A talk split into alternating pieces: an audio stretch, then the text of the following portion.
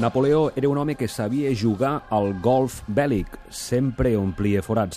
A principis del segle XIX, el tro d'Espanya queda buit. I clar, ell pensa en el seu germà, Josep Bonaparte, per convertir l'estat espanyol en el nou franquiciat reial dels Napoleó. Volia una nova dinastia comença la guerra del francès. França ocupa Catalunya i els francesos usen naturals tècniques de propaganda per convèncer els catalans que el futur és ser francès. Per exemple, el diari de Barcelona, que només s'editava en castellà, surt durant uns mesos en català i francès i se li canvia el títol per Diari del Govern de Catalunya i de Barcelona era una picada d'ullet als afrancesats, aquell gruix de catalans i també d'espanyols de la resta de l'Estat que veien en França la solució als problemes eterns de la pell de brau borbònica. França, per ells, era el futur, Espanya, el passat.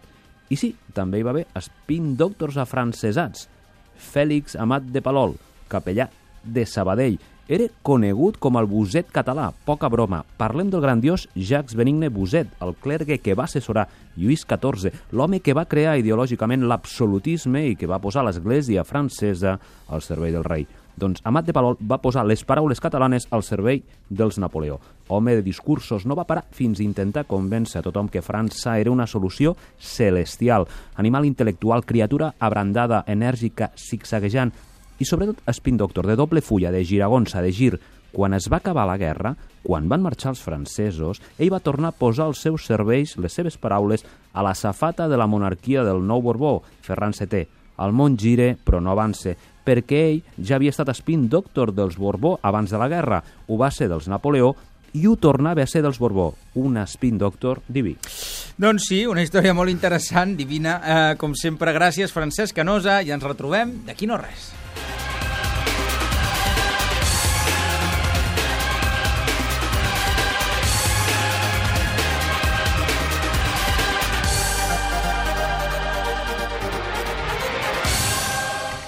Toni Aire i els Spin Doctors a Catalunya Ràdio.